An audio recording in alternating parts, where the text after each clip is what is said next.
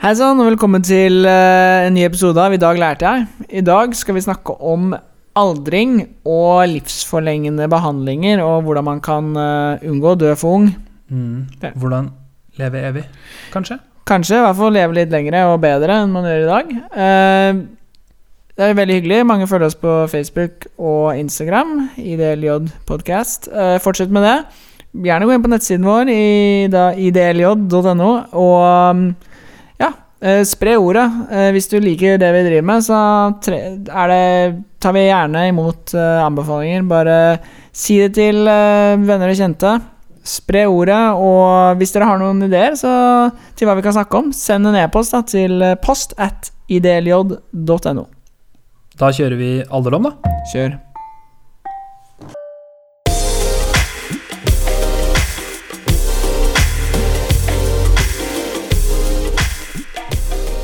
Hei, og velkommen til en ny episode av I dag lærte jeg. Vi heter Andreas Lykke. og Sindre Kristian Alsvåg, og i dag så skal vi snakke om liv og død og sånn. Ja. Um, fordi noe som jeg tenker på sjøl fra tid til annen, er jo at jeg blir eldre. Uh, og jeg kan jo bare si at jeg gruer meg til jeg er så gammel som du er. Det ser helt jævlig ut. jeg, har Eh, fått, jeg, jeg tror jeg har fått sånn uh, leddgikt og sånn. Jeg har vondt i håndleddet og ganske fælt. til gjengjeld så har du Jeg føler også at du har, eh, du har en, eh, en ung sjel. Ja. En ung sjel. Men vi må snakke litt om, eh, siden dette her først og fremst er en naturfagspodkast, snakke litt om hva er aldring, Mm.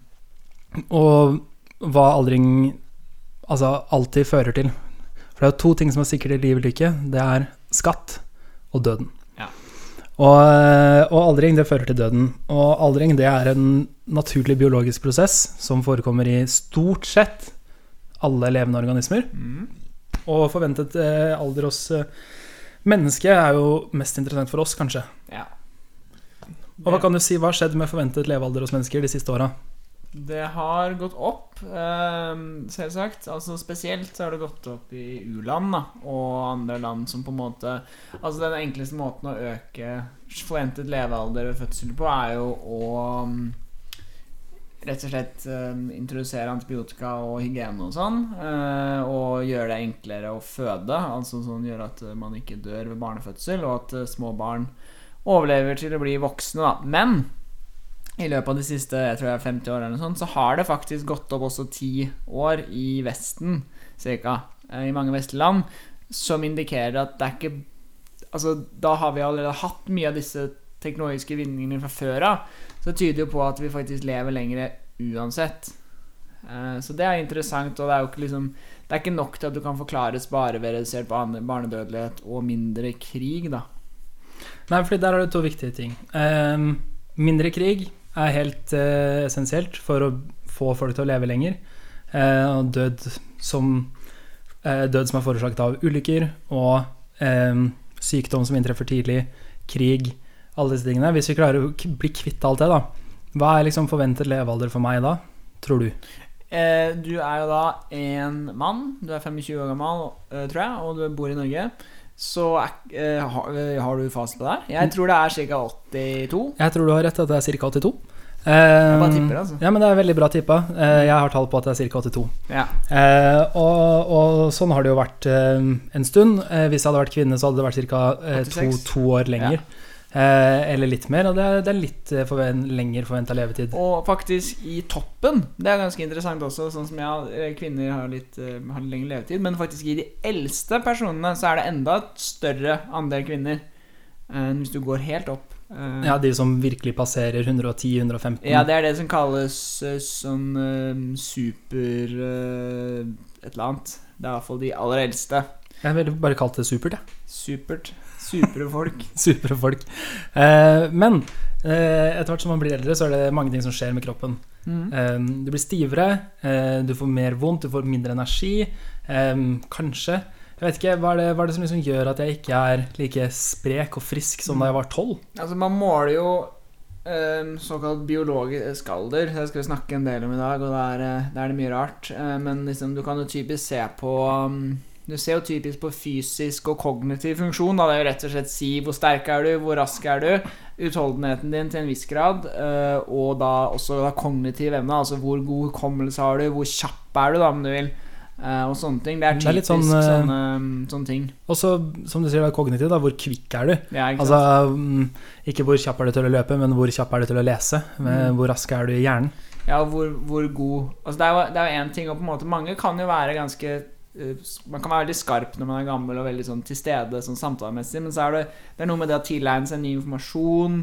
Det er mange måter på en måte hjernen din eh, fungerer på, da, og kroppen din. Men spesielt kroppen er jo, er jo veldig utsatt. da Altså Hvis ikke du Hvis får eksempel eh, demens, da Altså Du har mange Du, har måte, du må skille mellom på en måte Altså fysiske effekter, sånn som eksempel Ja, du blir treigere, svakere. Du blir eh, Kanskje du har litt, litt dårlig hukommelse eventuelt. Og så har du også sykdommer, da. Sånn som demens f.eks. Alzheimers sykdom er jo ikke en egentlig Eller det er jo, en, det er jo forbundet med aldring, men det er jo en sykdom. Det er ikke bare at du er gammel. Eh, akkurat som eh, dårlig hjerte, eh, kreft og sånne ting er jo også veldig assosiert med eh, økt alder, da.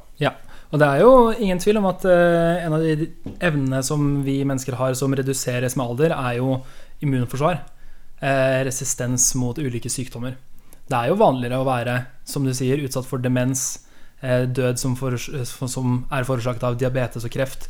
Disse Mm. tingene forekommer hyppigere hos eldre folk. Ja. Eh, men det er ingenting, dessverre, som tilsier at det ikke kan forekomme hos unge folk heller. Ja, for det er jo to, to sånne vi, vi, jeg har jo øh, alt, øh, faktisk over lengre tid var ganske interessert i sånn forskning på på en måte øhm, å leve lenger. Da. Men det er to forskjellige approacher. Det er jo noe som heter eh, lifespan, som er det vi på norsk vil kalle Altså hvor lenge man, det er hvor lenge man lever, da, rett og slett. Livslengde. livslengde. Men det som er mer interessant, er noe som heter healthspan, som er liksom det nye. Healthspan er ikke hvor lenge du lever nødvendigvis, men det er hvor lenge du er frisk. Så det vil si at hvis du har en lang healthspan, så kan du for eksempel bli 90 år gammel, og du fra du er liksom Ja, si du er 40 til du er liksom kanskje 80, så er du nesten like fysisk god form. da Og så, så de, som satser på, de som satser på såkalt health span-liv, de vil gjerne Ideallivet deres skal være langt, selvsagt, men det skal også være Du skal være frisk, frisk, frisk. Så blir du fort sjuk, og så dør du kjapt. da Du har Ja. ikke liksom 15 års periode på slutten av livet hvor du nesten ikke lever. Du vet, eh, det der er, eller minner meg om eh, batterier, fordi i eh, batterier i mange år så var det veldig vanlig at man kunne Og det, mange av dere har sikkert opplevd det, at uh, før i tida så ble lommelykten svakere før den daua. Mens uh, med de nye, litt mer moderne litiumbatteriene så uh, holder man da livet helt der oppe, helt til den plutselig dauer. Du går liksom ikke på Altså Ønsket er jo da å ikke gå på, på halv tank Ja. lenge, men å gå fullt ut, og så daue. Mm. Og det, det er jo på en måte to det, det er liksom to på en måte måter å se på. Den ene er jo altså de som vil utvide sånn healthspan de er sånn De er ganske godt fornøyde med på en måte at man De er også folk som gjerne tror man kan leve kanskje 110 år, da. Eh, Sånn, men det er også mange som mener at liksom, det burde være realistisk Eh, Dette høres veldig rart ut, men det fins veldig seriøse, veldig smarte mennesker som tror at det er realistisk å leve kanskje over 1000 år. Ja. Eh, gitt at da da ville man på en måte godt hatt en behandling som på en måte stoppa aldringen sånn hvert tiende år, kanskje. Hvert femte år, hvert år. Og ved å gjøre det, så ville du på en måte Du ville være den like Like god, god form, da. Det er jo mange For det måter er jo den, det er jo den derre Her kommer vi til det der teknologiske rare, hvor du kan på en måte eh, La oss si at du klarer å identifisere alle faktorene som gjør at du blir Mm. eldre og nærmer deg din død. Ja. Hvis du kan hindre alle de å forekomme, ta en pille Mm. hvert femte år, hvert tiende år, ta en annen form for behandling, og alltid beholde en like frisk kropp som da du var 25, som kanskje er for mange en ideell alder. da. Og teorien er jo egentlig også at du kan uh, I teorien så burde du La oss si at det fins noe i kroppen din som gjør at du på en måte nå, uh, eller senere, da når du er liksom uh, La oss si 80 år gammel, ikke er like har like kjapp metabolisme Du legger på deg lettere eller et eller annet Bare veldig, 20. veldig kjapt. Hva er metabolisme? Metabolisme er jo essensielt sett altså hvordan kroppen eh, ja, la oss si, behandler eh, Behandler liksom eh, mat og sånn og lager energi, da, egentlig. Altså sånn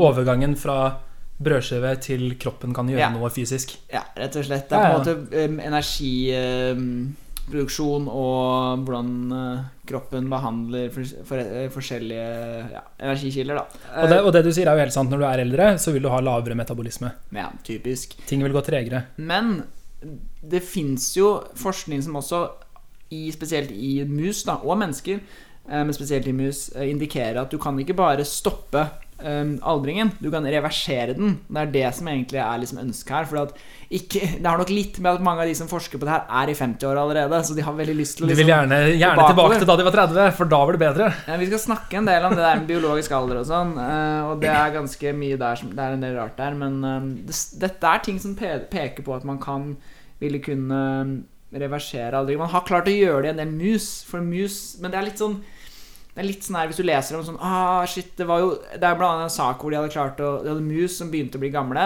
Altså De fikk um, rynkete hud. De, var, de var, ja, vi ble beinskjøre. De begynte å få litt Alzheimer-tendenser. Eh, eller sånn Klassisk tegn på alderdom. Altså museversjonen av Alzheimer, demens, musedemens. Og så ga de dem en behandling, og så plutselig så var de Huden løsna, de fikk ikke grå pels mer, de ble klare i hodet, og de ble friske og raske. da Ja, så du klarte å reversere det. Ja, rett og slett. Problemet med det er jo også at dette er mus som er genetisk innstilt til å bli veldig fort gamle. Så de var ikke like gamle som en gammel mus, de bare hadde symptomene på alderdom. Ja. Men det er sånn man forsker på mus, de som ikke veit det, er veldig ofte at hvis man sier Altså det, det er veldig ofte at de har genvarianter som gjør at de eksempel blir de utvikler Altså Hvis man forsker på kreft, eksempel, så har man mus som får masse kreft veldig fort. Det er ikke sånn at de venter til de får kreft, og så prøver de å reversere det. For man kan ikke vente liksom Jeg vet ikke hvor lenge en mus lever, men la oss si to-tre år. da Du kan ikke vente veldig lenge på en mus. Du vil heller ha en mus som kan vokse et halvt år, og så ha masse masse kreft, og så prøve å fikse det. Ja, ja, det er jo altså, det er sånn forskning foregår. Eh, og bare for å ta et veldig, veldig kjapt på forskning og etikk, så eh, er det jo en greie med at ja, vi forsker på andre organismer, lavere stående organismer, organismer vi antar at har mindre forståelse for hva smerte er, eh, blant annet. Så det er jo, du må jo gjøre gjennom en masse eh, etiske loophole, eh, altså ikke loopholes, men loops, yeah. før du får lov til å forske på mus. Yeah. Eh, men når du kommer ganske langt med resultatene dine på eh, bakterier, f.eks., så kan du gjerne gå over til en musestudie. Ja, og nå i nyere tid, så, uten å liksom gå og snakke for mye om det her, så er det jo også eh, veldig mye arbeid med å prøve å få veldig gode datamodeller. Så man ikke trenger å gå inn med en organisme, trenger ikke å gå inn med en bakterie. Du kan bare kjøre det med en simulator, og så vil det mest trolig funke. Og så kan man heller kjøre en litt mindre musestudie etterpå. da Ja, det er perfekt. Eller ikke at studien er mindre, det er bare at istedenfor å liksom teste 50 ting på mus, så vet man at en av disse tre burde funke, og så tester man de, og så funker de, og så går man videre. Ja. Eh, uansett um, Vi snakket litt om liksom hva det vil si å være gammel. Um, så aldersrelaterte tilstander, da, som for jenta er kreft, hjertesykdommer, diabetes uh, og demens uh, etc. Og ja, typisk beinskjørhet og sånne ting. Um, så skal vi snakke litt om liksom hvordan man måler eh, såkalt Det er noe som heter biologisk alder, da. For du har jo altså, såkalt ekte Eller vet ikke hva man kaller det. Altså alderen din er jo Du er 25, jeg er 32. Og det er vår um, Hva heter det? Kronologiske alder. Den, Eh, den, den er bestemt etter hvor mange ganger jorda har gått rundt sola. Den er bestemt etter at jeg ble født en dato, og så har jeg levd så lenge etter den datoen. men så har du noe som heter biologisk alder. Og der ligger jeg dårlig an. ja, der tror jeg jeg ligger bra an. Vi jeg, tror det, jeg tror vi møtes ganske bra nærme hverandre, skjønner du. Eh, for der ehm, For det er på en måte eh, kroppen din sin Hva skal du si Kroppen din sin Uh, Ja, altså hvordan kroppen din reagerer på uh, Altså omgivelsene. Altså sånn hva er du? Hvor rask er du? Hvor, hvor uh, kjapp er du i hodet? Hvordan ser beina dine ut? Og, og Hvor fort går du fra brødskive til energi? Rett og slett. Alle de tingene der. Jeg, jeg har bare en kjempemorsom kort historie her. Eh, eh, omvendt. Kjempekort, men morsom historie. Pappa eh, tok en sånn biologisk prøve, for han passerte 45 eh, og følte seg kjip i kroppen. Mm. Og han har spilt fotball hele livet og er egentlig en veldig aktiv mann. Og så plutselig så var det litt sånn der, han fikk ikke til ting lenger. Han begynte å tenke jeg må være sjuk. Han trodde han var ordentlig sjuk, og det her er jo eh, som mange sikkert allerede har begynt å skjønne, sannsynligvis en slags midtlivskrise. Mm. Han gikk til legen og ba om å få liksom full testing. Og pappa var da, Jeg mener at pappa var 45, eh, og så fikk han påvist sin biologiske alder til å være 45. Jeg har aldri sett en mer skuffa mann i hele Ja. mitt liv. Han var så trist og lei seg. Han var nedfor i flere uker etterpå. Eh, og så ille kan det altså gå. Eh, plutselig så er du din egen biologiske alder ikke. Det, det er bare å grue seg. Ja, altså Ja. Eh, det som er greia, da, er at det er um, Det er også morsomt sånn, Hvis jeg prøvde å google liksom, hvordan måle biologisk alder, Eh, bare for moro skyld, bare for å se hva som kommer opp liksom i uh, allmennpressen, om du vil. Og der er det blant annet Det var, en, det var sånn så, Nå kan teste din biologiske alder, og da er det rett og slett stå på stå, Lukk øynene og stå på bein Altså balansere på ett bein og mål tida tre ganger, og da veit du hvor din biologiske alder Antall sekunder er din alder. Aktiv. Nei, det er en, det er en, det er en oppslag. Eh, men eh, Men, eh, men en ganske banal og enkel test som ikke forteller så mye, Det er vanskelig å si. Altså, sånn, de hevder jo at det funker, da, men så er det altså Det er ganske mye Jeg leste en ganske seriøs studie på da eh, biologisk alder, som jeg skal snakke en del om etter hvert, eh, som da er liksom hva, hvordan man egentlig kan måle og det er ikke det er jo kanskje ikke så mange måter å måle det på, men dette kan kanskje måle liksom hvordan er Det du kan måle, er jo du har på en måte VO2 max, er noe som heter eh, altså oksygenopptaket ditt liksom, når du skal trene, eksempel. Altså, hvor, altså rett og slett hvor god kondis har du egentlig, kan du si. Ja. Og det er jo på en måte en standard i forhold til alderen din. da Så du kan jo, sånn som jeg leste en artikkel Det er en sånn, ikke, ikke for å snakke stygt om NTNU, eh, men det er jo basert på en NTNU-studie som hvor det står Jeg tror jeg leste, jeg tror det var på VG eller noe sånt, hvor det sto at eh, etter Altså du skal ta en intervalltreningsøkt som varer i 39 minutter, inklusiv oppvarming og nedtrapping. Det kan utføres av alle uten fysisk form. Og da står det et typisk resultat etter ti uker er ti år redusert biologisk alder. Dersom man trener fire ganger fire to ganger i uken. Hvis man fortsetter programmet, kan hvem som helst holde en biologisk alder på 20 år frem til fylte 80 år. Ja. Og ja, der kjenner jeg at uh, min klype salt uh, skal rett på Men med en dette er jo som sagt altså, Vi er jo begge NTNU-utdannede, så vi, liksom, vi må jo på en måte akseptere at de veit hva de snakker om. Men jeg, jeg tror her tror jeg det har mer med hva avisene kaller biologisk alder. Absolutt, og jeg må bare si da, som en, en annen fun fact å skyte inn her, som jeg ikke tror du vet. Jeg har gjennomført den uh, testen. Eh, ja. Jeg løpte det løpeprogrammet. eh, det er utviklet av NTNU, blant annet, og handler om Nettopp handler om, om ikke økt eh, livslengde, men økt helse. Ja. Føle seg bedre. Mm. Eh, og jeg gjorde dette i forbindelse med at jeg skulle løpe 10 km Ja. eh, på Trondheim Maraton. Jeg skulle løpe 10 km på en time. Jeg klarte det ikke da jeg starta, jeg klarte det da jeg slutta. Ja. Så, så det var på en måte en god kondistrening, og, og god kondis det er bra helse, bra lunger, Bra bra stoffskifte, bra, eh, bra hjerte. Alle de tingene er jo med å gjøre at du får høyere livskvalitet. Ja. Du får høyere livsfunksjon. Så det de sier, er jo på mange måter eh, en sannhet. Men jeg stiller meg svært skeptisk til at eh, eh, jeg i en alder av 79 kan gjennomføre dette programmet og oppleve meg like bra som nå. Som, ja. Eller Ja. enda yngre. Eller enda yngre. Da jeg var 20, var jeg Åh, jeg så så bra ut, jeg. Men det var jo også var før jeg begynte å drikke øl. Jeg så deg når du var 20, jeg. Jeg vet ikke, jeg er du er ikke imponert? Eller i forhold, jeg vet ikke. Nei da. Men um, det er på en måte mange Det er jo mange måter å måle det her på. Uh, og så er det jo så, sånn sett Det er jo på en måte Jeg leste denne studien, og der snakker de om flere måter å måle på. De snakker om på en måte Det er noe som heter altså, mutasjoner i DNA-et ditt. Noe som heter telomerer. Eh, Noe som heter cellulær senescens og eh, såkalt eh, metylering, eller epigenetikk. Og det nye nå, og mitokondriell funksjon for så vidt Det som er nå, er at liksom The mitochondria is the powerhouse of the cell. Rett og slett. Det har jeg faktisk skrevet ned sånn ish. Eh, epigenetikk er jo det nye. Jeg skal snakke litt mer om det etter hvert. Eh, det, er det, liksom, det er der man liksom man, man har nå en, en måte for å teste din biologiske alder som er du da tar en liten blodprøve, og så sender du inn eh, Og så betaler du 500 dollar, og så får du din såkalt ekte biologiske alder, da. Eh, og det er da ikke liksom hva du presterer, men hva kroppen Altså cellene dine kroppen din sier, da. Ikke hvor gammel er du med din hjerne, men hvor gammel er dine celler? Ja, Hvor effektiv er kroppen hvor- din ja. når den er tatt ut av systemet som er dine tanker? Mm. Og så vi kan snakke litt kanskje, Vi kan kanskje snakke litt om det der med altså, hva, hva vil biologisk alder si, da? Og vil, hva er de forskjellige målingene man kan gjøre? Ja, det er perfekt. Jeg, jeg har jo ting på telomerer, så jeg er klar for det. Ja, fordi det, kan vi, dette kan bli en debatt, nesten. Fordi telomerer er jo lenge sett på altså, lenge, altså Jeg kan først forklare hva det telomer er. Kjør på. Uh, når du skal kopiere DNA-et ditt Det vil si at hver gang cellen din deler seg, så må jo alt DNA over en ny celle. Vil si at du må lage en kopi av DNA-et ditt. Eh, dette organiseres i såkalte kromosomer. Eh, vi snakker mer om dette i en annen podkast. men i, Poenget er at når du skal kopieres, så er det ikke, så, det er ikke helt perfekt eh, kopiering. Så hvis jeg i endene av DNA så, så vil noe bli forsvinne. Da. Altså Noe vil ikke bli kopiert. For at eh, du kan se for deg at liksom, hvis du skal altså, Du kan egentlig bare se- for deg en maskin som på en måte må feste seg til kanten av noe.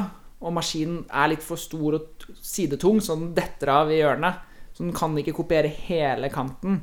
Og det er liksom det som som skjer rent fysisk sett. Eh, Men Ja, denne, denne maskinen kommer på, fester seg på DNA-et ditt. Ja. Og hvis ikke DNA har noe som er overflødig på slutten, Mm. så vil maskinen bare falle av. Men ikke, det er ikke helt sånn. Det er at det som er på slutten, vil slett ikke bli kopiert. Så hvis det som er på slutten, er noe veldig viktig for deg, så er det dårlig, da. Da ligger, da ligger du tynt an. Ja, det, Derfor har vi telomerer. ja, og telomerer er rett og slett bare Det kommer fra det greske ordet endedel. Um, og det vil egentlig bare si at i enden av DNA-et ditt, om du vil, så så har det bare masse overflødig DNA. Det er bare, bare såkalt nonsens-DNA. Det gjør, har ingen funksjon annet enn å på en måte beskytte da, mot denne effekten av kopiering. Da. For når du kopierer mange mange ganger, så blir mer og mer borte. Og tidligere så var det veldig mye Altså det har vært mye snakk om liksom at dette var nøkkelen til aldring. At til og med, for man har, kan observere at i eldre individer så vil man ofte se Eller kan man se at telomerene, altså endestykkene på DNA, er kortere enn i unge personer. Derfor har man lenge tenkt at liksom, dette her må jo være nøkkelen. Eh, Det har vært noe forskning som har tyda på det, sånn, men i hvert fall i denne studien jeg leste, som er veldig ny og veldig sånn, ganske sånn omfattende om forskning, så mener de at det egentlig ikke bør brukes en Altså for å sette biologisk alder, fordi For det første så er det veldig variasjon fra person til person. Det er ekstrem variasjon fra person til person. Og det er også um, det er, my det er mye støy da i dataene. Det er veldig uklart egentlig hva du sier, så det er ikke nok i seg selv å på en måte klare å Klare å liksom si noe om biologisk alder. Hvor lange Hvor lang er din telomer? Telomer, ja. Selv om man har trodd det tidligere. Um, og, men det finnes, vi har også et enzym i kroppen som heter telomerase, som lager altså som forlenger telomerene dine hvis de blir for korte. Da. Dette har bl.a. en uh, funksjon i kreftutvikling, um, hvor, uh, hvor telomerasen kan bli litt overaktiv og holde disse i yep. live. Ja, ja, det er også Det der med telomere er litt interessant, for det er noen dyr som lever eh, eksepsjonelt lenge. Eh, og i de artene så har man også oppdaget eh, veldig gode mekanismer for å opprettholde lengden på Ja. telomerene uten at det går utover andre ting. Da. Sånn som du sier, da. Mm. Greit, vi, vi har mekanismer for å reparere våre egne telomerer, Ja. men de samme mekanismene gjør også at vi blir utsatt for kreft. Ja, så kan jo Altså sånn Nå, nå, snakker jeg Jeg er ikke helt 100 sikker på det, men jeg føler at Jeg tror kanskje at hvis man skal leve liksom, ja, si 2, 3, 4, 500 år, så kanskje det har noe å si. Eh, lengden på telomerene dine, kanskje det er viktig å opprettholde holde det. Men sånn som det er i dag, så vil man ikke kunne bare Ja, som sagt, se på lengden og se Altså, du, hvis du har le- kortere telomer enn meg, så trenger ikke det bety noe som helst. Nei. Det er for store variasjoner på individene òg. Rett og slett. Nei, men eh, telomerer er ganske spennende. Det er, um, det- jeg har liksom noen få dyr som jeg har fun facts om i dag. Ja. Jeg starter med en gang. Um, det er jo et, en, et kjent dyr. Eh, Nakenrotta, kjent fra bl.a. Kim Possible, har, uh, uh, har en biologisk evne til å leve ekstremt mye lenger enn de fleste andre gnagere. Eh, vi snakker om opp mot 30 år som vanlig levetid for en, eh, for en nakenrotte. Det har gjort en del smarte eh, Og 30 år er mye i forhold til andre rotter. ja, som du sa tidligere, da, det er kanskje ti ganger så lenge som en vanlig husmus. Eh, som, eh, som, er en, som er en Ja, for en type rotte lever sånn to-tre år vanligvis. Ja, rotte Jeg bare tippa, altså. du har, Men du har det veldig bra. Mus lever to-tre år vanligvis. Ja, eh, rotte lever litt lenger. Eh, og her har du også en annen Ja. interessant ting. da eh, Når det kommer til pattedyr, størrelse har litt å si. Ja. Veldig små pattedyr lever ofte eh, kortere. Eh, veldig store pattedyr, hvaler, mennesker egentlig, og andre lever gjerne lenger. Det er et dyr som skiller seg ut der. Menneske. Mennesker burde ikke levd så lenge som vi gjør. Hvis du, ser, hvis du lager en plott av eh, kroppsstørrelse i forhold til eh, alder, så skiller vi oss ut eh, veldig positivt der. Vi lever betydelig lenger enn vi ville gjort. Det er, vi er ikke det eneste dyret som skiller oss ut. Men vi er, et- men vi er et av de. Vi er en av dem, og mye av det er jo Seff fordi at vi kan kontrollere omstendighetene våre i så mye større grad. da Og denne nakenrotta, da, som har en hel ekstrem evne til å leve lenge, de har en veldig god genetisk eh, immunitet mot kreft. Ja. Altså, det, er, eh, det forekommer ikke kreft i nakenrotter. De dør av andre ting. Eh, så greia da med alderdom er jo at, som vi nevnte tidligere, det er greit, eh, immunforsvaret ditt er konge, du blir ikke syk, men du blir fortsatt gammel. Ja. Eh, så i naturen, når du er treigere enn dine andre nakenrottevenner, så eh, er det du som blir spist først. Eh, så forventet levealder i nakenrotter er på en måte også litt bestemt av at de har klart å holde seg unna de, Altså, de er jo byttedyr her for en drøss med ulike predatorer, altså eh, fiender.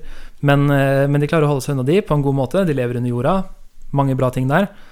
Og de har også klart å unngå kreftgåten. Så det er mye forskning på kreft som, som skjer på nakenrotter, fordi de har klart å unngå at den naturlige alderdommen også fører til høyere sjanse for kreft. Men sånn rent utseendemessig, vil du heller leve to år som brunrotte eller 30 år som nakenrotte? Det er jo kanskje det styggeste dyret som fins. Det er kanskje det aller styggeste dyret som fins. Kanskje det er nøkkelen. Hvis du, blir, hvis du er jævlig stygg, så kanskje du lever kjempelenge. Vet du hva, Jeg kommer litt tilbake til det etterpå, faktisk. Det handler okay. om, handler om eh, livsglede og livslengde, Ja, som jeg okay. har noe gøy på. Eh, men det var, det var litt om nakenrotta. Ja, det Skal vi se Var det mm, Jo, nei, telomerer er um, Så, så nakenrotta har da lange telomerer. Lange telomerer, og, og som du nevnte, telomerasen i Ja. nakenrotta opprettholder lengden på telomerene uten å øke sjansen for kreft. I Ja. hvert fall sånn som jeg har forstått det. Ikke sant. Um, det fins jo Så Det fins jo også andre ting. Du har jo noe som heter cellulær senescens. Eh, jeg fant ikke noe godt norsk ord på det, dessverre. Eh, det vil egentlig bare si um, Det er på en måte en slags stressrespons. Altså når en celle um, Celledelingen kan stanse i en celle. Altså vil si at cellen oppdager at uh, det er noe på en måte galt med cellen. Så kan på en måte cellen ikke få lov til å dele seg med. Det er jo, det er jo en av mange måter vi ikke får kreft på. Er for at uh, Kreft vil jo si at en celle deler seg, selv om den ikke burde delt seg. Eh, fordi at den har noen, har noen andre problemer. Mens uh, ofte så blir celledeling stanset, Uh, men disse såkalte cellene som har eh, hvis, det er, hvis de har eh, er i senescens, da, som det heter, Dvs. si at eh, de stopper å dele seg, og de begynner å skille ut en del stoffer som øker inflammasjon, altså sånn betennelser. Og de kan også motstå celledød, altså såkalt apoptose. Det vil si, egentlig bare si at eh, en del celler um, dreper seg selv. Da. Altså Det er jo sånn en celle skal gjøre. En annen kreftkarakteristikk for øvrig er jo da at de ikke um, dør. Um, men det kan også disse senesenscellene senescenscellene gjøre. De er på en måte stoppa opp, og så bare er de der.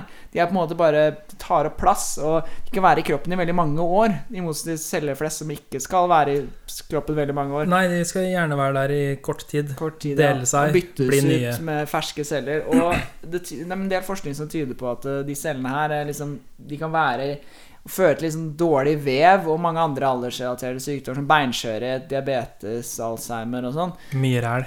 Mye ræl, ja. Så det er en del forskning på på en måte prøve å Og ja, de skiller ut en del ting som liksom Ja, øker inflammasjon, og du kan jevnt se at når i all, mye sånn aldringsrelaterte sykdommer kommer nok av eh, litt sånn økt betennelse da, i kroppen. Um, og disse cellene er Det er en del forskning som går på det å på en måte prøve å Prøve enten ta knekken på disse cellene, sånn som immunforsvaret ditt etter hvert kommer til å gjøre, eh, eller, eh, eller prøve å på en måte ja, unngå at så mange celler går inn i senescens.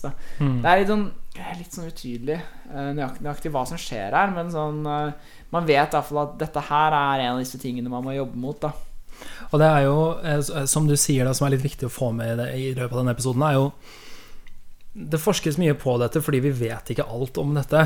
Ekstremt Eh, komplisert. Den, eh, den dagen vi vet alt om hvorfor vi dør, så er det jo på en måte teoretisk mulig å stoppe det. Ja. Er det mange forskere som mener. Ja. Og så er det noen forskere som mener akkurat det motsatte. Mm. At eh, selv om vi oppdager alle mekanismene, så er det faktisk noen ting som ligger til grunn som gjør at det er umulig å stoppe det. Ja. Det er naturlig å dø. Det er, det, er en del av å leve. For da blir det jo filosofien. Det jo, altså, spørsmålet vil også være sånn Det kan jo også hende at det kanskje man kan leve, men man må bytte ut for eksempel, ja, hjernen din med en slags datamaskin. Da. Mm. Og hvis du har bytta ut liksom, så og så mye av kroppen din, så er det spørsmål liksom, om du er da fortsatt et menneske i seg selv. Når er du du? Ja, og kan, Kanskje man rett og slett kan leve videre, men du er nesten Du er liksom 90 eh, maskin. Da. Men nå snakker du om noe som er litt spennende, som ehm, På engelsk så har de kalt det the singularity. ja. På norsk ehm, enheten, har jeg lest. Ja. Eh, men eh, poenget er jo da å, å bruke teknologien for alt det er verdt.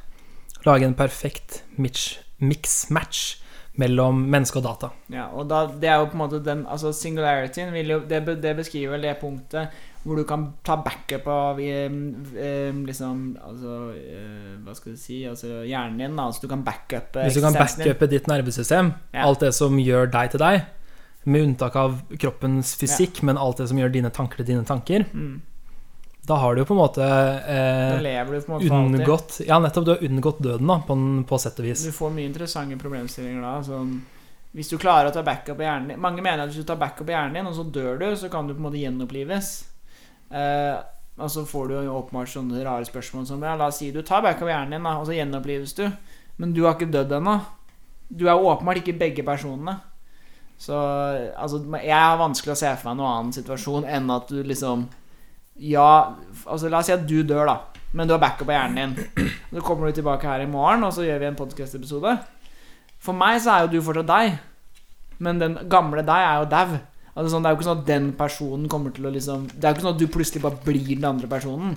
Plutselig kommer jeg inn her, og så har jeg ikke øyenbryn. Jeg vet ikke hva det har med saken å gjøre, men Jeg føler at Hvis du tar en backup, så må du putte det inn i en perfekt kropp. Og for meg så er en perfekt kropp fullstendig uten hår. Fordi håret er overflødig i mine øyne. Nå ble jeg veldig forvirra, men det er greit nok. Poenget mitt er bare at uh, uh, akkurat det singularitetsgreiene er Det kunne vi hatt en hel egen, podkast om. kanskje Fordi jeg, jeg, jeg, jeg, leste noe, ja, noe spennende om det. Jeg så jo Det er jo noen forskere som, som er veldig på det Spesielt én, Ray Kurzweil. Ja, han er helt gæren. Men hva, kjenner, vet du hvorfor du har hørt det navnet Kurzweil før? Nei. Han har jo funnet opp Jeg tror han fant opp synten. Altså instrumentet synten. Ja, det digitale pianoet, liksom? Eller Eh, midi-pianoet? Jeg tror det. Han har i hvert fall en sånn Kurzweil-pianoene er gode. Det er gode synter.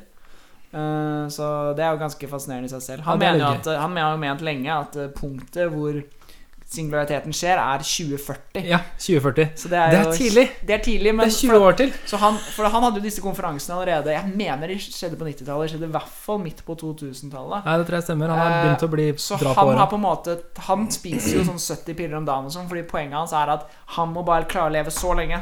Så lenge han Ja. lever i 2040, så er det greit. Da har vi, løst, da har vi løst dette alderdomsproblemet. Ja, Han har jo nevnt mye forskjellige løsninger her, men han, en, en del av de tingene han vil eh, gjøre, er jo annet å bruke eh, eh, veldig veldig små roboter, nanobotter, Ja. til å gå inn i blodstrømmen din og fikse kroppens eh, problemer. Ja. Eh, fordi kroppen gjør en del ting sjøl, men kroppen er jo på en måte La oss si at kroppen fra naturen sin side er klar for å daue. Ha en utløpsdato. Nettopp. Du er født med eh, du, er, du er født, eh, du har så og så mange år på å reprodusere, som på mange måter er meningen med livet. Mm. Eh, og så er det best for dine avkom at du blir borte. Ja. For du eh, krever ressurser, Ja. og de ressursene er bare bortkasta. Så fra naturen sin side så er du på en måte Du er klar for å dø på et eller annet tidspunkt. Men han mener da at eh, vi kan komme over alle disse naturens Mm. problemer ved å putte nanobotter i blodstrømmen, putte pacemaker inn der hvor hjertet er dårlig, eh, få andre typer lunger, bytte hjerte, bytte lunger, gjøre disse tingene. Mm. Nå et, et punkt da hvor kroppen hele tiden reproduserer og fikser og ordner alle sine indre og vitale organer på et så kjapt nivå at du ikke opplever alderdom. Så det er fascinerende i seg selv, men han eh, 2040, folkens. Det er bare å vente. Det er bare å vente. Han eh, Han har jo for så vidt uh, forutsett mye kult. Jeg tror mer han basically forutså internett. Han er sånn futurist, så han har, han har gjetta mye riktig. Det er derfor folk hører etter. Han skrev mye bra bøker.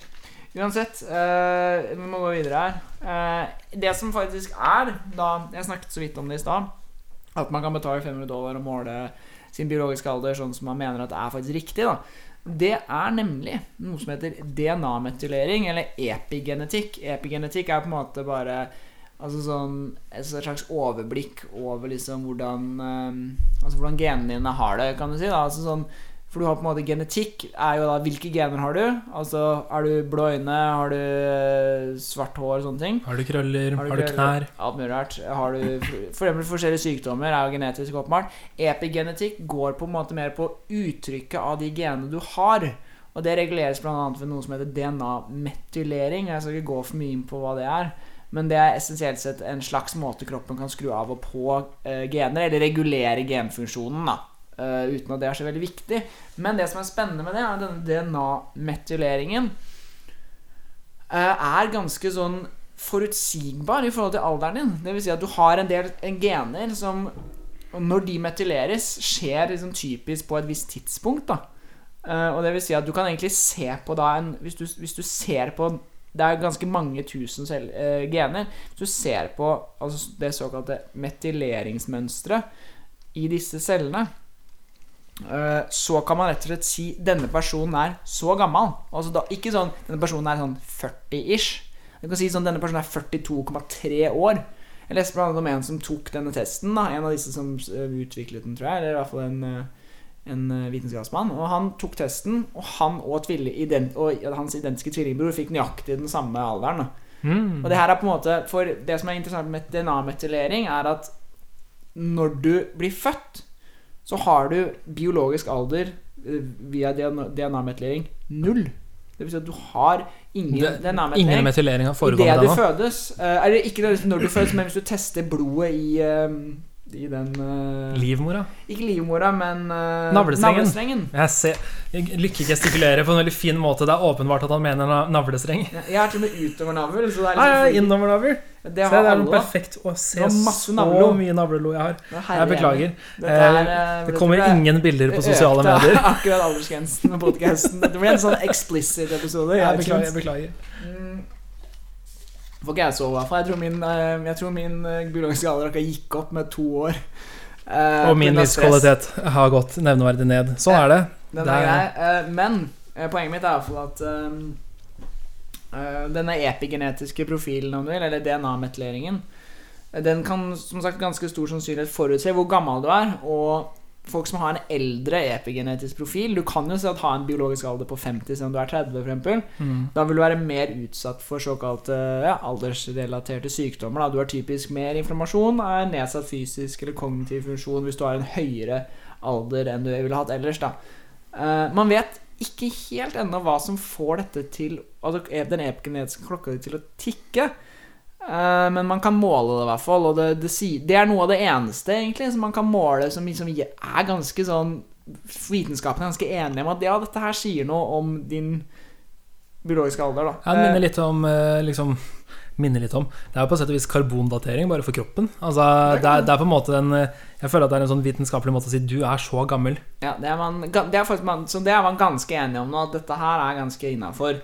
Mens mye av det andre er litt sånn Ja, det sier noe om det, men ikke noe om det, etc. Men dette her er ganske sånn Ja, dette sier noe. Mm. Ja. Eh, men Aldring er komplisert, det er men dette er universelt. Mm, det som er fascinerende med det, her er at metylering kan jo reverseres eh, i kroppen. Så det er noen muligheter her for å faktisk dempe eller senke da, den genetiske alderen din. Ja, og reversere, da, Ja, på sett og vis. Ja, eh, Spørsmålet er jo hvis du endrer metyleringen, vil da du automatisk se yngre ut? Det vet man ikke helt. Man vet bare at når man er eldre, så observerer man dette. Man vet ikke hva som skjer hvis man fjerner det her helt, fordi det fins egentlig ikke så veldig mye medisiner og prosedyrer som kan gjøre det i dag. I hvert fall ikke mennesker.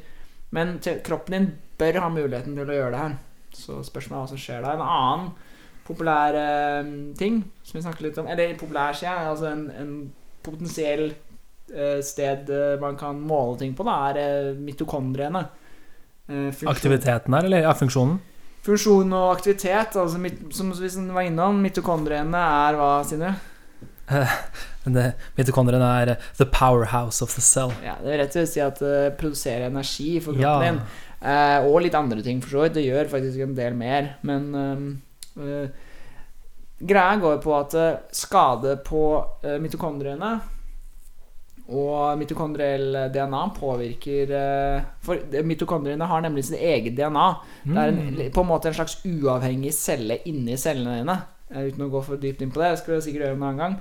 Eh, men det påvirker i hvert fall aldring, bl.a. ved at det blir litt mindre tilgjengelig energi, og så kan det produsere en del såkalte ROS.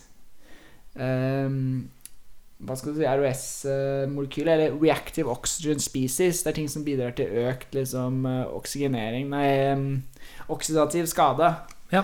Genik, altså Såkalte antioksidanter motvirker jo da eh, oksidativ skade. da Mm. Poenget er at det har en litt negativ effekt på kroppen. Og man ser at når mitokondriene produserer mindre energi, så kan dette ses i sammenheng med ja, din biologiske alder. Da. Det gjør at du får redusert hjerte, skjelettmuskulatur eh, og noe andre vevs eh, kvalitet. Da. Og redusert mitokondriefunksjon er også assosiert med nedsatt bevegelighet, som man ser eh, i typiske eldre mennesker. Da. Man kan måle hvor mye mitokondriell DNA som er i blodet ditt. Eh, noe som sier noe om hvor mye ja, energi som blodcellene dine kan eh, produsere. Da. Og dette gir en indikasjon på hvordan det står til med ja, mitokondriene i kroppen din. Du har- Hvordan står det til med mitokondriene i kroppen din? Mm, og har du mer mitokondriell DNA, så har du typisk bedre helse. Da. Og, og eldre personer lever også lengre. Mm. Uh, så nå tror man at liksom Per i dag så mener man at mitokondriell funksjon, eller altså da eh, mitokondriell DNA og DNA-metylering, er de, kanskje de to tryggeste måtene å måle biologisk alder på. Da. Det er ganske spennende. Mm. Eh, men eh, altså denne episoden her Spennende tema. Tida går Men det skal jo sies at Nå kommer jeg på en ting. Jeg vet ikke om dette her egentlig er relevant, men mitokondriene er de som produserer energi, som igjen har en direkte effekt på liksom trening og, og O2-opptak og sånn. Så det kan godt hende at dette her at denne, Når du tester da O2-opptaket ditt, og hvor lenge du kan stå på et bein og etc., at det kanskje har Kommer tilbake til mitokondriene. Ja. Det er altså stor fare for det. Og det er, men eh, fordi det jeg egentlig begynte å si, var jo at denne episoden her har en veldig spennende tematikk. Eh, og det er ekstremt komplisert, og vi vet ganske lite om det sånn. Vi har ganske mange gode hypoteser som vi er langt på vei å Mm. nærme oss å bevise. Eh, men vi har også satt veldig få punktum i denne saken. Eh, men jeg tenkte å spørre deg eh, litt sånn Vi har snakka litt om eh, alderdom og hva som skjer når du blir gammel. Vi har alle sett gamle folk. De ser slitne ut. Eh, vi ser hvordan folk dør. Jo høyere alder du har, jo høyere sjanse er det for at en del sykdommer forekommer. En del av de sykdommene er fatale. Men jeg bare lurer på, hvis jeg spør deg eh, hva betyr det liksom å dø av naturlige årsaker? Å dø av alderdom? Hva, hva er det? det jo Det er litt sånn interessant, altså. Jeg er ikke noe så ekspert, på det her, åpenbart. Jeg er ikke Ja, lege. ikke, vi er ikke leger. Nei, men altså sånn Dør du av naturlige årsaker hvis du dør av Alzheimer? Tja Øh, Samme liksom hvis du Men hvis du er gammel nok, da, så kan du fort dø av f.eks. influensa eller en annen enkel infeksjon. Det er ganske vanlig, faktisk. Typ, det som typisk kan skje også, er jo rett og slett at hjertet ditt er så svakt at det bare slutter å, Fungere. Og, ja, å slå nok. Da, så du, hjertet ditt stanser, og så dør du av, av hjertestans. Da. Mm. Altså Det er jo det som på en måte altså, Du dør jo typisk når hjernen din ikke får mer oksygen. Det er typisk sånn Da dauer du. Sånn, kan, sånn sett er det jo Det er jo en annen diskusjon igjen, men sånn sett så man er jo på fortsatt teoretisk sett i live, uh, gitt at selv om du på en måte er helt hjernedød, som det heter, da, gitt at det blir nok oksygen til at hjertet ditt kan slå. Ja. Men du sier at hvis hjertet ditt slår, uh, og, og, og hjernen din får nok oksygen, så er du vel, ville jeg sagt, da, for at du er i live, da. Og så er det jo, det går jo an å være såkalt klinisk hjernedød. Mm. Altså kroppen har full funksjon, men det er ingen aktivitet i hjernen. Nei, Eh, Men da men- får man vel fortsatt nok, øh, nok øh, oksygen? Vil jeg Ja, for det er, det er jo typisk det som har skjedd, det som kan forårsake Jeg tror ikke jeg skal gå videre på det her, jeg er Nei. ikke lege. Men jeg skal si en fun fact om det å, å, å kalle noen for død. Um, Hvor fun er egentlig den facten? Ganske? Bare, bare vent, da. Ganske, okay. Det er ganske bra. Eh, fordi i dag så er det kun eh, leger som har lov til å eh, avgjøre om en person er levende eller død. Ja. Men det fins ett unntak til denne regelen. Så hvis jeg kommer i en katastrof katastrofal bilulykke, og jeg kommer til åstedet og ser ok, greit, sånn og sånn, sånn og sånn, og alle folka her ser skikkelig døde ut, så kan ikke jeg si det når jeg ringer ambulansepersonellet. Med mindre Hodet er av! hodet er av! Det har vi snakket om. Hvis hodet er av, så kan du som uutdannet eh, av eh, helt klinkende klart si på telefonen til eh, altså nødetaten eh, denne personen er definitivt død. Da spør de faktisk er hodet på kroppen. Og hvis du sier nei, så sier de denne personen er definitivt død. Ja. Veldig bra. Um, jeg syns vi begynner å liksom komme i gang på en del spennende tematikk. Men jeg lurer på, vi, har du noen ting vi må snakke om Ja. måte, før vi eh, Hvordan kan vi unngå å dø? Ja, altså, det er gøy. Det fins en del behandlinger eh, på, eh, mot det å dø. Jeg kan jo starte med kanskje den drøyeste, om du vil. Faktisk. Nei, det gjør vi ikke. Vi starter med noen litt roligere ting. Vi starter faktisk med metformin. Uh, metformin er jo i vinden. Jeg tipper det er en del av dere som hvis dere, hvis dere kommer til denne podkasten litt kald fordi dere ser på, søker på aldring eller sånt, så tipper jeg dere kanskje har hørt om metformin. Fordi det er veldig inn å ta. For blant de, spesielt veldig mange av de som tar Eller som, som forsker på aldring, tar selv metformin fordi at eh, metformin er en diabetesmedisin. Jeg tror det er en type 2-medisin, altså mot diabetes type 2. Eh, og den har rett og slett de, test, de har gjort en del tester på folk som har diabetes, og sett at de, har- de, de fant i hvert fall ut at liksom de som går på den medisinen, lever lengre. Og så ble det i hvert fall, var det en del som begynte å ta det, for det har ikke noe særlig bieffekter. Det er litt sånn påvirker tarmeffekt sånn, Du kan få litt løs mage og sånn, men metformin er i hvert fall ganske så eh, forbundet med at du, ja, du, du reduserer sjansen for Alzheimer, hjertesykdommer, kreft Egentlig alt som er kjipt da med å bli eldre, eh, reduseres rett og slett ved, å ta metformin. Eh, virker det som, da. Eh, det ikke Og som du sier, bieffektene er minimale til ikke-eksisterende. Ja, og jeg, jeg søkte litt opp på det i stad for å finne ut hva det er. Og det viser deg nå Eller det ser kanskje ut som det kan ha en påvirkning på tarmfunksjonen din. Og rett og slett eh, For det har annet en positiv effekt på, eh, på vekten din. Altså det at du kan gå ned i Du vekt. går ned i vekt. Eh, ja, typisk. Eller i hvert fall du får en, en sunnere Altså Hvis du er overvektig, så kan det bidra til, eh, til, eh, til at du går ned. Og dette har, Dette har jo med at ta, bakteriene i mage og tarm eh, Dette øker av en eller annen grunn andelen såkalte snille bakterier. da Altså de bakteriene du gjerne vil ha i magen. Ja, de du typisk- trenger for å fungere. Typisk ikke overvektige menneskers tarmflora. Du nærmer deg den ganske fort ved å ta metformin, som dreper nok Mm. en del såkalte av de bakteriene som er assosiert med, med overvekt og dårlig helse, da. Uh, vil man tro. Men uh, denne, denne Jeg vil anbefale alle, hvis du er interessert, så er egentlig bare å lese om det selv. Uh, metformin. Det er, eh, det er veldig mye forskning på det akkurat nå, så det endrer seg jo nesten fra dag til dag. Ja. Men den er tilgjengelig i Norge hvis man har diabetes type 2, men det har vært snakk om å egentlig bare gjøre det lovlig for, for alle, fordi at det ser kanskje ut som dette kan være en slags Eller en, en av flere sånne såkalte kanskje mirakelmedisiner, da, som er eh, Som rett og slett gjør at spesielt hvis du begynner å bli eldre, altså begynner å nærme deg 50-60-70-80-årsalderen, at folk som tar det da, kan rett og slett ha en betydelig senket eh, evne til å ta Alzheimer og eller få Alzheimer og hjertesykdommer og kreft uten at det nødvendigvis har en negativ effekt. da Det er jo, altså, det er jo alt du vil ha. Rett og slett. Ja. Men eh, du sa du hadde noen drøye ting også. Ja, jeg, kan, jeg, kan, jeg kommer til det hvert. Eh, vi har også, det er også noe som heter resveretrol, som en del av disse folkene som jobber med anti...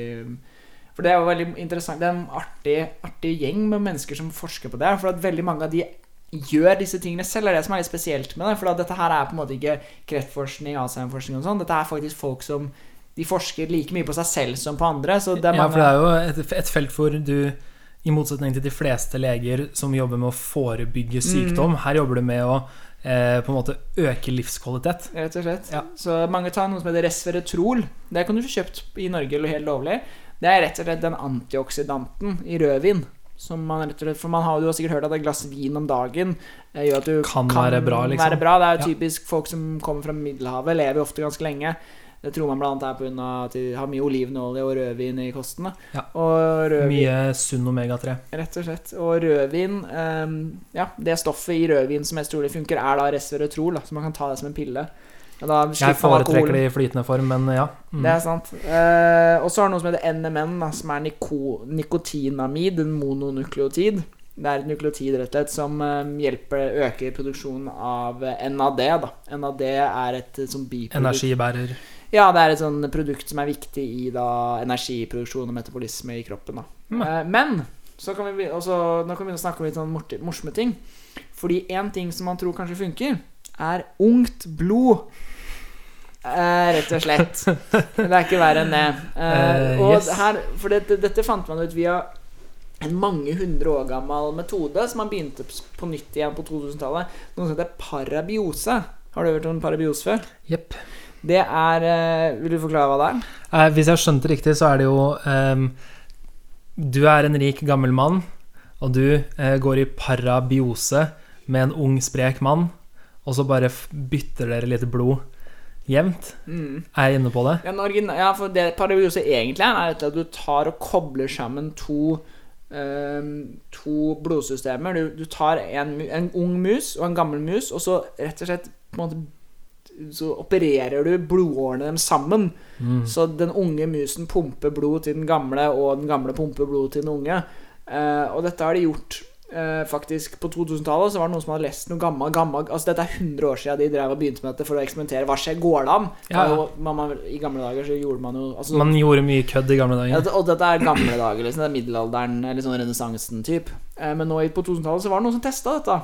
og pumpa gammelt blod til unge mus og ungt blod til gamle mus. Og det som skjedde, var at de gamle musene ble både sterkere og sunnere, og det kunne tyde på at de kanskje hadde bedre hukommelse også.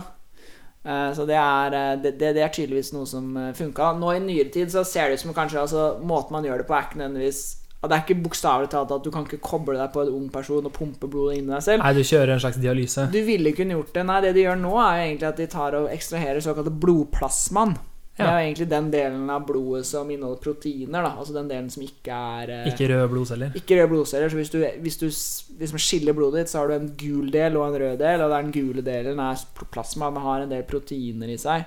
Har du sett eh, Silicon Valley? Det har jeg. Der skjer jo han her som Bloodboy i sesong uh, Spoiler alert. Ja, Men, eh, rike folk skaffer seg unge, spreke folk. Men dette er en ekte ting som skjer i Silicon Valley. ja, ja, så Eh, det er jo helt crazy tilstander der. Ja, eh, men det det viser er at det som kanskje er liksom den, den store tingen, er noe som heter GFD11.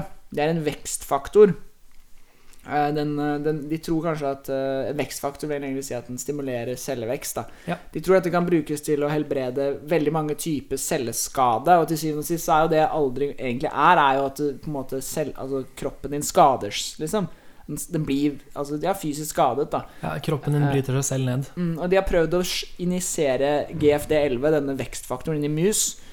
Og, um, og det har jo ført til at de har blitt sterkere, fått bedre hukommelse og sånn, da. Men de har Mm. også funnet at hvis du tar for høy dose, så begynner musklene å slite litt. De får dårligere muskler. Eh, så man må være litt altså, Forskningen her er veldig uklar, og det er veldig i Altså Man driver og forsker på det i dag, da. Altså sånn dette er noe som Men blodplasma fra unge mennesker, eller da åpenbart syntetisert blod som kan minne om det, vil kanskje ha en positiv effekt. da eh, Blant annet, Dette er sånn type som hjelper veldig på hud og sånn. Eh, typisk. Eh, ja. Jeg har en annen metode Ja. som er ganske mild, Ja. som også har blitt eh, forska på på mus, og det handler om å gi en diett med mindre mat. ja, En er såkalt Altså å holde igjen på kaloriene. kalorisk restriksjon. Ja. For det er, uten å liksom avbryte for mye, så når jeg, jeg, jeg leste meg opp på det her for noen år siden også, og da fant jeg ut at det er egentlig På det tidspunktet, dette var liksom 2016, eller noe, så var det kun én ting man egentlig visste at Som liksom har gitt en jevnt over positiv effekt, og det er faktisk akkurat det fasting. Mm. Men jeg har jo masse gøy på det også, fordi eh, med disse musene som man har eh, på en måte tvunget inn i en faste, da, hvor de hele tiden spiser 30-40% mindre enn nabomus, ehm, så har du Dette er litt sånn intermittent fasting også, er det ikke det? Ja, men eh, den studien her som jeg leste, da, som var brukte den samme metoden på en, på en lang studie, hvor du kunne på en måte Vi tester mye forskjellige metoder, men vi tester også denne metoden mye. Ehm, økt eh, forventet maks levetid. Eh, eh, ikke bare på mus, men også på eh, ulike ormer, insekter, eh, andre gnagere. Og de driver akkurat nå og forsker på det på primater. Fordi altså, Av alle ting man forsker på, så er på en måte det å holde igjen litt på maten Det er jo noe som forekommer naturlig i naturen. Primater i er jo da aper og mennesker, da. Yes. Um, og det er jo Altså, bare denne dietten i seg sjøl, eh, holder igjen på en del av disse faktorene som, som gjør at du ser eldre ut, eh, og blir eldre. Eh, eh, du får annet færre uønskede mutasjoner og litt sånn i DNA-et ditt. Men det er, eh, det er noen andre gøye ting som skjer, eller kjipe ting som skjer, men um, uh, det, det som skjer, er at du ser at de får uh, De sliter med å sove. Og det, når du sliter med å sove, så sliter du med å, å la kroppen gjøre en del naturlige ting som du må gjøre. Spesielt for hjernen. Spesielt for hjernen, spesielt for hukommelse, kognitiv funksjon. Så du sliter med å sove, du sliter med å gå inn i søvn, eh, og du har veldig lav eh, interesse for det motsatte kjønn. Yes, Eh, redusert seksualdrift, da. Ja, så det du Så på en måte greit, du som individ vil kanskje leve lenger, men eh, det er negativt for eh, mus som rase, eh, som art. Mm. Den vil ikke på en måte Så på sett og vis, da, så eh, Du går på en måte mot naturens gang. Naturens gang vil være spis så mye som du kan til enhver tid. Former deg så ofte som du kan. Eh, og ved å unngå å gjøre noen av de tingene, så er det jo det som skjer. da Du, du ser at eh, mus og andre dyr, eh, insekter, lever lenger som et resultat av det, men du har noen negative effekter ved det også. Ja, det er en del forskning som tyder på det at um, periodevis fasting da, i mennesker stimulerer produksjonen av en del bra proteiner. Og sånn. Og ikke minst er det viktig å understreke at liksom, noe av det verste du kan gjøre i forhold til aldring, er jo å være overvektig. Absolutt. Overvekt er ekstremt uh, uh, Henger veldig sammen med liksom, lavere livskvalitet i seinere år. da Og tidlig død. og tidlig død. Det kan også reverseres da, altså hvis man er overvektig i ung alder og blir tynn, eh, eller blir i hvert fall ikke overvektig, eh, så er det ikke nødvendigvis så mye etterskader, men sånn eh, overvekt er, er en av de aller største eh, faktorene når det kommer til, da, til eh, eh, negativ eh, effekt seinere i livet. Jeg har sett litt på litt sånn annen, bare sånn generell alderdomsforskning. Og det var, litt sånn morsomt det jeg så at i faktisk i den eh, Det er egentlig det som liksom var litt av det som var tegnet på dette her. For man har ikke alt visst liksom Hva er aldring, liksom? Så man testa da Man har liksom forska på gå, Altså er det, gen, er det genene som gjør det? Og i en rundorm som heter eh, C. elegans Det er egentlig en av mange med, eh, såkalte modellorganismer. Det er en organisme som man vet alt om, eh, kan man si. Der eh, fant de et gen som het DAF2. Og når de inaktiverte det, så gjorde det rett og slett at eh, rundormen levde dobbelt så lenge. Til, Som er nice. ja, tilsynelatende helt frisk. Dette var gener som var viktige i, i, i ung alder da, for å overleve under stressende miljøer i naturen. Men ved å da fjerne genet eh, Og det her, her har du dem jo også i lab-miljøer. Som er på en måte, Her kan de på en måte unngå mye av det naturlige farene ved å være ung. Da. Altså de, får, de gir dem nok næring, og de får nok eh, varme og søvn og alt mulig rart. Eh, hvis rundormen sover. Det er jeg ikke helt sikker på. Men de, får, de, får, de blir liksom behandla godt, da. Og ved å inaktivere dette genet, så levde de rett og slett dobbelt så lenge. Det var veldig overraskende forskning. Ja, det er eh, dobbelt så lenge. Dobbelt så lenge er veldig mye for Mm. én enkel ting å gjøre. Ja, for altså får man 10% økning i, i livslengde, så er dette det, da, er, da er du glad som forsker. Ja. Eh, Men man har funnet noe i, mennesker også, som jeg kan bare nevne så vidt. Det er noe som heter eh, et gen som heter REST, eller REST. Um, det brukes i, i altså hjernen til fosteret. Så aktiveres dette genet, eh, som produserer en del proteiner som gjør at um, en del nevroner i hjernen din deaktiveres. Det vil rett og slett si at hjernen din ikke, ikke liksom jobber så hardt som den skal gjøre før den er ferdig utviklet, på en måte. Eh, og, det, og, og det er egentlig ja, et fosterutviklingsgen. Eh, men det som var interessant, var at man har funnet ut at når mennesker blir eldre, så kan dette slå på igjen, dette genet. Eh, så, veldig, så veldig gamle folk så hadde da dette genet aktivert seg igjen og begynt å deaktivere nevroner. Mm. Og de har også sett at øh, det, Man har faktisk funnet noe informasjon som tyder på at men alle disse menneskene som blir veldig, lever veldig lenge, de har mindre nevronaktivitet. Altså hjernen deres fyrer av eh, mindre. Jeg kan ikke supermye, jeg er ikke hjerneforsker, men man har, dette er iallfall noe man, som det kan tyde på at de som lever lenge altså Det betyr ikke nødvendigvis at de er dummere eller hjernen deres er noe dårligere, men de nevronene deres fyrer av mindre. da Man vet jo at nevroner fyrer av både i øst og vest uansett. De som Uten å snakke for mye om det. Men har du noe mer på forskning, eller skal vi snakke litt om hvor gammel man kan bli? og sånn? Jeg tror vi tar litt om hvor gammel man kan bli, og så vil jeg bare minne deg på at du sa du måtte gå. Jeg, jeg, må, jeg må gå Jeg skal spise pizza. Uh, men ja, hvor gammel kan jeg bli? Ja, altså, det er interessant. Ehm, vi kan jo snakke litt om hvor gamle folk har blitt, først. Hva er, eh, hva er rekorden? Verdens eldste person heter eh, ja, Jean Calment. Calment? Jean, Je- Je- kanskje. Det er en kvinne, i hvert fall. Hun ble 122 år gammel. Det er gammelt. Ja, Og verdens eldste mann ble 116. Men Også imponerende. ja, også imponerende, for så vidt. Eh, dette, men dette her er veldig viktig å notere at nå, er sikkert, nå kan det godt hende noen av dere skriker inn i mikrofonen deres, si, inn i hodetelefonen deres, fordi det er mange som mener at dette ikke stemmer. Mange mener at disse, dette, disse er ikke de eldste personene som har levd. Dette er nemlig de eldste verifiserbare personene. Dette er de eneste personene man kan bevise når ble født, og når de eh, døde. Da, så at. For problemet er at det er en ganske vanlig eh, tendens man ser i eldre personer, at de overvurderer sin egen alder. De, de er mye yngre enn de tror. Ja, Altså De kan si jeg er 126, mens de kanskje er 110, eh, og sånne ting. Eh, og så i Det er jo ikke så, det er jo ikke så lenge siden altså Den dag i dag så finnes det jo mange mennesker som er født i områder eh, Eller bare at andre tilfeldigheter har slått inn. Kanskje la oss si du ble født i en landsbygd eh, 100 år, ja, kanskje til og med i Norge, og så brant kommunehuset ned. da Så du har ikke fødsel, det originale fødselssertifikatet ditt, eller du har ikke noen kopier. Så du, man, vet ikke, man har ikke et fysisk bevis på når du er født. Eh, og dette gjelder spesielt i land som hadde veldig dårlig infrastruktur for ja, 123 år siden. Eh, og det er jo ganske mange. Uh, så det er, det er mange som ikke er Så det er jo ikke, det er jo ikke tilfeldig sikkert at dette er franskmenn, italienere, spanjoler, folk som er fra liksom relativt vestlige land, da, Ja. som har bevis. Det er jo annet folk som Det finnes jo da en fyr som lever i dag, som heter James Olufun, Olufintui i Nigeria. Han hevder han er 175 år gammel. Det er enda mer imponerende. Bare, det var morsomt På Wikipedia så står det jo da på de eldste menneskene fødselsdato og dødsdato. På dødsdatoen hans står det bare 'levende?' spørsmålstegn.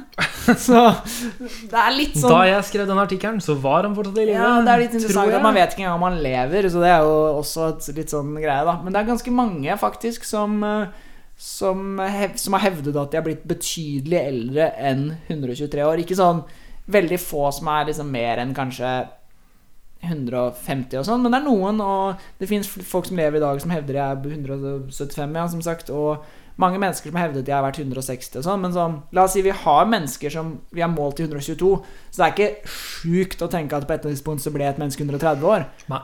Eh, altså det Det er sjukt på sett og vis, men, Men jeg klarer å på en måte forstå at ja, tror, det kan gå an. Man mener jo også at dette bør øke med ca. ett år hvert tiende år. Eller sånt. Man mener at Eller var det et, halv, et hvert år hver år? Man mener i hvert fall at folk burde bli eldre og eldre nå, da. Eh, Man tror jo, disse, disse forskerne tror jo at den personen De første menneskene som blir 140 år gamle, er født og lever. Eh, igjen en TV-seriereferanse. I Parks and Rec så er det en av menneskene som hevder at han er den personen. Scientists say yeah. the first human being that will live to be 150 has already been born. I believe I am that human being. Yeah. Eh, Eh, men jeg har jo interessante ting på dette her også. Fordi vi snakka litt om han Kurzweil tidligere. yeah. Som, eh, som er en såkalt eh, futurist. Han tror på fremtiden. Og en av grunnene til at han tror på fremtiden Jeg må bare si da, jeg syns han er litt ko-ko, selv, selv om han sier mye sant. Han har ser litt koker ut òg. han har gjetta mye riktig før, men, men jeg har på en måte et par ting som han har si. sagt, som, Han har alltid sett litt koko ut, egentlig. ja, som, som, som jeg har stilt meg eh, spørrende til. Han snakker om eh, å nå singulariteten, eh, da kunne vi leve evig. Og en av, en av de gode grunnene til at han mente at dette åpenbart kommer til å skje, eh, handla om en, en helt annen vitenskap. Eh, altså hvor eh, rask blir data? Ja. Han snakker Moore's om law. Moore's law, eh, som handler om at for eh, eh, For hvert andre år så vil du ha dobbelt så raske datamaskiner. Eh, altså relativt sett, da. Men eh, her er det jo en litt interessant ting. Moore lever. Ja. Eh, mannen bak Moores law eh, lever i dag, og han har selv sagt at eh, i 2015 så så han at eh, Moores law har allerede gått forbi sin levetid. Mm. Eh, Moores law er i seg selv utdatert, og vi ser nå at det blir dessverre ikke sånn at datamaskiner kommer til å bli dobbelt så effektive hvert andre år. Eh, ikke med nåværende teknologi, da. Da må vi så fall over på noe sånn kvante eller noen sånne biologiske datamaskiner eller et eller annet. Ja, vi det- begynner å nærme oss den fysiske grensen for hvor mye datakraft man kan få ut av et kretskort. Ja, og så er det jo det som er litt interessant her, er jo Moores andre lov, som handler om at eh, prisen eh, for utviklingen av teknologien også øker eksponentielt. Mm. Men det er jo noen andre ting her da som, som en del andre forskere har sagt om dette med å, at å unngå døden er på sett og vis umulig. Og da er det en del som peker på termodynamikkens andre lov, som handler om energi. Eh, da, Jeg må man bare kan si ikke jeg ser så, Unnskyld, for Ja, ja, jeg, på. sitter og ser på et bilde av Ray Kurzweil sånn fra 2019. Han ser ganske bra ut. kan, kan ikke du snu PC-en din rundt her? da? Jeg må se, jeg jeg, òg. jeg tror dette her er han sånn nå. Han er jo, nest, han er jo over eh, 70 år gammel. Han ser veldig bra ut. Han tar, tar veldig mye piller hver dag, og han lever essensielt på piller for å holde den kaloriske restriksjonen sin oppegående. Han er gæren. Han Men ja, termodynamikkens andre lov sier Er noe om at eller er han Eller- eller har han er- skjønt det? Er det han, bare han som ikke er gal? ah, Det er en tynn grense mellom å være gal og den ene som er rett. godt, godt poeng. Eh, du vet hva de sier? Blant de blinde så er den enøyde mannen konge. Men er han da den enøyde mannen? Stemmer. Okay. i denne, ligning, denne sammenligningen. Men termodynamikkens andre lov sier at du kan ikke lage energi. All energi går mot sin ende. Eh, så det er greit. Eh, så kan du på en måte kverulere her og si at greit, men poenget med en del av disse Kurzweils sine teorier er jo at du kan ta energitap og gjøre det utenfor kroppen, og tilføre energi til kroppen kontinuerlig. For eksempel via strøm. For eksempel. Men det du sier da på Da vil jo på en måte en dommedagsprofet si at på sikt så vil denne termodynamikkens andre lov inntre for universet, så du vil uansett dø. Men eh, hvis du kan leve i 1000 år, så tenker jeg du har allerede gått langt forbi det jeg syns er interessant. Hvor lenge tror du universet er skal leve? Og da, ja, da snakker vi milliarder av år fortsatt. Ehm, men ja, så har du jo noe som er det, som et annet poeng her. Da. Det er jo meningen med livet, som er reproduksjon. Mm. Eh, og når du har gjort din oppgave, så er du overflødig. Tenker jeg da sånn rent banalt biologisk. Mhm. Og derfor vil det også være mange forskere som peker på at livsforlengende eh, ting alltid kommer med en eller annen negativ konsekvens. Mm. Så ja, eh, økt livslengde, lav livskvalitet. Så vi får se. Vi får se hva det blir til. Men det er jo noe med at eh, etter hvert som vi, altså vi mennesker vet jo veldig godt i dag at vi bruker mer ressurser enn det jorden kan by oss. Så det å på en måte dø til fordel for sine avkom er jo viktig. Det er jo en Mm. oppgave vi på sett og vis bør gjøre. Til de som lurer, så tror man at universet potensielt sett kan bli um, ti oppe de ti oppe de ti oppe de 56. år. Men da har det skjedd Da har sånn alt kollapsa inn i sånn kanterom og sånn. Ja, det er, men Poenget er at du, kan- du kan du, når, når man snakker om å leve evig, så, så på en måte, Hvis du lever 1000 år, så er det ja Altså- ti-tolv ganger forventet levealder. i dag. Jeg ser på det som det samme som å leve evig. Ja, for man sier jo at det man sier liksom at målet bør være 1000 pluss, da. Ja. Da er du liksom Da kan du regne at da har du levd veldig lenge. Vet du hva? Hvis jeg visste at min forventede levealder var 1000 år, så skulle jeg slutta å klage fordi, eh, på at jeg syns det er for få timer i døgnet. Hmm. 1000 år, da, da tror jeg jeg skulle prøvd å gå i en eller annen eh, Da skulle jeg gått inn i en eller annen meditasjon og bare tenkt Ok, så er jeg misfornøyd med at det er 24 timer i døgnet, men jeg veit at jeg kommer til å være pensjonist ved 67. Og da har jeg mange år igjen. Jeg tror ikke du vil være pensjonist med 67 hvis du leder 1000 år. Jeg er redd de kanskje måtte utvide den et par ganger. Jeg tror min plan ville vært å gå inn som pensjonist ved 67. Ja takk. Ja, det, er- det er imponerende. Eh, men ehm, du kan jo alternativt eh, innføre ditt eget eh, tidssystem som har 100 timer i døgnet. Det er litt kortere timer. Da har du løst Poen- det. Poenget er jo Den eneste løsningen er å bare senke jordas rotasjon, fordi jeg synes det går for fort mellom hver gang Jeg jeg er ganske sikker på at Supermann gjorde det en av filmene. Han gjorde det, ass. Supermann tre? Gjorde mye bra greier. Supermann 3. Han, han re- Han, han, reverserer han reverser, men- og det som er så interessant, er at han den, eh, Sånn som jeg husker det, så reverserer han på en måte Ja, han gjør sånn at jorden spinner andre veien, og da går tiden bakover. Og unger Det er ikke sånn det fungerer. Supermann 3 er ikke fasiten på all, all liksom, eh, meka mekanikk, da. Nei, men, men verdt å se. Verdt å se. Jeg, jeg, jeg vil bare skyte inn at den, Vi snakket om hvor gammel man kan bli. Og, um, ifølge Bibelen så ble Metusla 969 år gammel. Mm. Så det, det det er hevderi, da. Islam er litt snillere, faktisk. De, de har eh, Ibrahim, altså Abraham, Abraham, på 168 til 169 år. Ja. Oi, Så- men de er ganske da nøyaktige, da. De sier Vi vet ikke akkurat, men det var sånn 168-169-aktig. Ja, Bibelen er litt, uh, litt uh, De mener han ble noen år eldre, for så vidt. Abraham, men ikke så veldig mye eldre.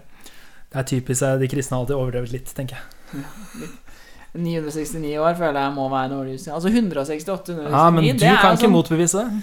Jeg kan ikke motbevise det, men sånn 168-169 er ikke sånn crazy, faktisk. Da er jeg sånn Hvis, hvis, hvis Bibelen hadde sagt at den eldste personen noensinne ble 168-169 år, så hadde jeg vært litt sånn her Ja, ok, greit, fair enough, liksom. Det kan ikke jeg bevise. Men sånn når du begynner med 969 år for Jeg vet ikke hvor mange tusen år siden. da, Lenge siden, lenge siden. 3000 år siden eller noe Ja. sånt. Da Ja, nok om det. Eh, jeg føler vi alltid ender her. Nå var jeg som dukket opp. Men Jeg kan jeg ta opp en liten forskningsting som jeg synes var morsomt? Ja, det det er derfor vi kjører podkast. Ja. De forska, Det er noen eh, sånne disse Det er jo folk som forsker på Det er mange måter å gjøre det her på. Du kan på en måte forske på biologisk alder og sånn, men du kan også forske på disse menneskene som blir så gamle. Så her var det en som hadde forsket på de som blir over 105 år. Uh, Det hadde et utvalg på 4000 italienere. Det var ganske imponerende at han fikk tak i 4000 personer over 105 år. Men Ja, det er mye. Eh, og det som er, er at i løpet av livet så vil jo da sjansen for at du dør i løpet av neste kalenderår, øke. Jeg var overrasket over hvor lav den egentlig var per år, men nok om det. Eh, Dette er jo statistikk og sånn, for så vidt. Men sånn, det som er greia, er at for hvert år du lever, så øker sjansen for at du neste år er død Mm. med prosent. Henger på for meg. Men det treffer et toppunkt Etter 105 år så er sjansen 50% og den stopper der. Ut fra alle de har målt, så er det ikke mer enn 50% sjanse for at du dør fra et år til et år. Så teorien her er at når du når 105 år Uh, så, så At det kanskje da 50% er makspunktet for dødelighet. Som vil si at du teoretisk sett kan leve for alltid. Jo, jo. Fordi at du, du, vil, aldri ha, du vil aldri nå liksom 100% sjanse for å dø. Nei, det er jo interessant, da, men det, da vil jeg bare som eh, Da vil jeg bare si at eh, jeg burde ikke skryte av hvor flink jeg er i statistikk, men hvor mange ganger tror du du kan få kron hvis du eh, flipper en mynt? Ja, ja, det er jo sant, da. Men teorien her er at siden det er sånn, så er, tenker de at kanskje da fins altså også et molekylært liksom At kroppen din teoretisk sett kan operere på et visst nivå over en viss periode. da Men altså hvis du ser folk som er 105 år gamle ikke, altså Det er bra, bra jobba, for så vidt, men sånn, det er ikke nødvendigvis Jeg vil ikke si de er 20 år biologisk, nødvendigvis. Nei, jeg tenker også at livskvaliteten er såpass lav. Nei, det, det, det, det er jeg ikke enig i, faktisk. For mange av dem, virker, altså mange av dem er relativt friske og øhm, veldig skarpe. Så hvis jeg kunne vært det Hvis jeg, hvis jeg kunne nådd da Hvis du, hvis du googler liksom folk som er 110 år gamle Det er jo Igjen da, dette er jo folk som har klart seg uten å få Alzheimer. eh, Uten å få da hjerte- og karsykdommer i stor grad, og uten hvis Mange av dem har ikke hatt kreft heller. Og hvis man kan leve sånn i kanskje 50 år Jeg har ikke egentlig hatt noe problem med det. Jeg er allerede veldig glad i å liksom drikke vin og se på Netflix, liksom. Så Nei, jeg, altså 50 år med det? da bring kunne du pensjonert deg når du var 67. Ja. Så kunne du vært 50 år, liksom 100 år gammel. Og jeg, jeg, Jeg kunne flytta til Italia og fått litt varme over kroppen. ja. Det hadde vært noe. Eh, dette, dette har vært et veldig eh, interessant tema å prate om, og tida har gått altfor Tror vi må tilbake igjen en gang òg, jeg. Jeg tror vi, kom, vi kommer innom aldring igjen, det er det ingen tvil om. Men jeg tror vi skal runde av dagens episode og snakke litt om hva vi har lært i dag. Ja.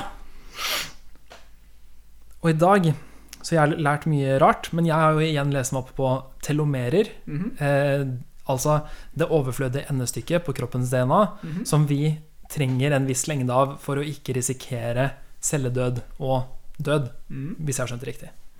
Har du lært noe i den dagens forskning? Uh, ja, jeg lærte jo det der at uh, etter du fylte 105 år, så har du 50 sjanse for å dø. Eh, jeg lærte at eh, Jeg lærte jo på en måte at DNA-metylering, eh, eller epigenetikk, kanskje er den eneste måten å måle ekte biologisk alder på. Og jeg lærte at hvis du står på beina og lukker øynene, så kan du finne ut nøyaktig hvor gammel du er biologisk også. Det er ganske artig. Jeg har også lært en annen ting om, at, om forventet levealder eh, og hvordan den øker fortsatt. Eh, som jeg syns var veldig spennende, at eh, forventet levealder eh, øker også i Vesten. Handler Ja. ikke bare om at vi har unngått barnedødelighet, men at vi også lever lenger i dag enn tidligere. Mm. Og lever jo også sunnere, eh, folk flest. Det er mye mindre røyking, blant annet. Blant annet. Um, jeg har lært en del andre ting. Jeg, jeg, jeg har lest, En av de tingene jeg har lest for å forberede meg i dag, er noe som du har skrevet. Eh, og der, har- der har jeg lært eh, mye rart. Men jeg har lært at eh, det er noen som mener at vi vil nå singulariteten i 2040. Mhm. Og at mennesket ikke trenger å dø etter 2040. Og han fant opp det første keyboardet, eller synten. Mm. Som på en måte Det er to viktige ting å gjøre i løpet av et Ja, liv. Ja. Jeg tror det der var bra. Jeg. Jeg er veldig fornøyd. Veldig fornøyd. Da eh, tror jeg du skal få lov til å runde av dagens episode. Og de siste ordene vil være Eh, prøv å klare deg til 2040, så ser vi hva som skjer derfra.